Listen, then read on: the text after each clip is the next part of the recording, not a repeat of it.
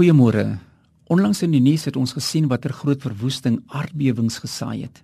Daar waar huise eens was, is nou puinhope of huise wat selfs net verdwyn het. Baie mense wat omgekom het en die skade is onbeskryflik.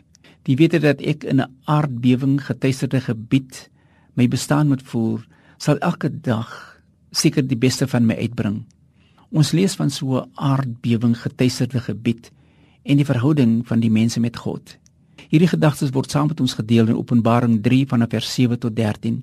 Die plekkie se naam is Philadelphia en dit was nie op dieselfde voet as Laodicea nie. Die mense van Philadelphia het in vrees gelewe want hierdie gebied was gedurig deur getuister deur swaar aardbewings.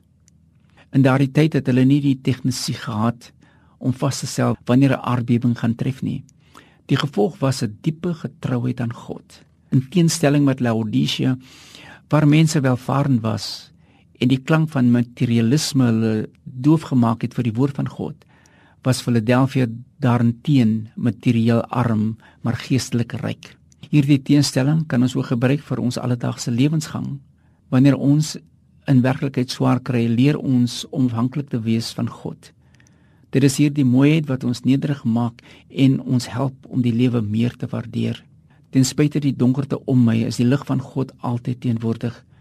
In hierdie proses van swaar kry, leer ons nuwe lewenslesse. Dat vertroue in God ons lei tot oorwinning.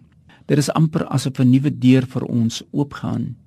Dit is waar om sommige deure oop te maak, het mense sleutel nodig. Die regte sleutel sal die regte deur oopsluit. Hier sê Christus dat hy die sleutel van Dawid het en hy sluit oop en nie toe nie. Aan ons word die Messias geheim geopenbaar, so sê die Heilige, die waaragtige wat die sleutel het.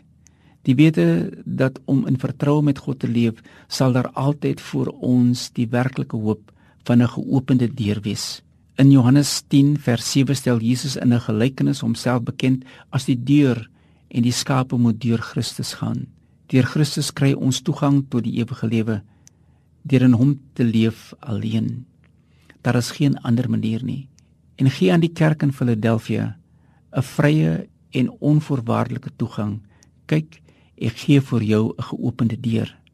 Vrye toegang tot saligheid. Vrye toegang om te wandel in die waarheid van God.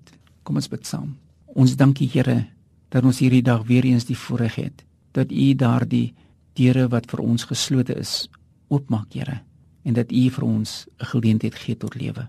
Ons dankie daarvoor. Amen.